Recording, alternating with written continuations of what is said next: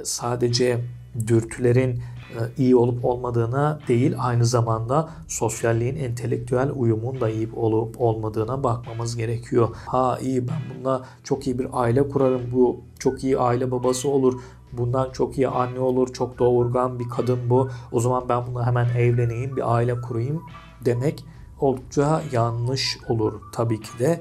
Bu gibi ilişkilere kapılan o kadar çok kişi var ki Şimdi çok klişe bir genelleme olacak ama kullanacağım maalesef.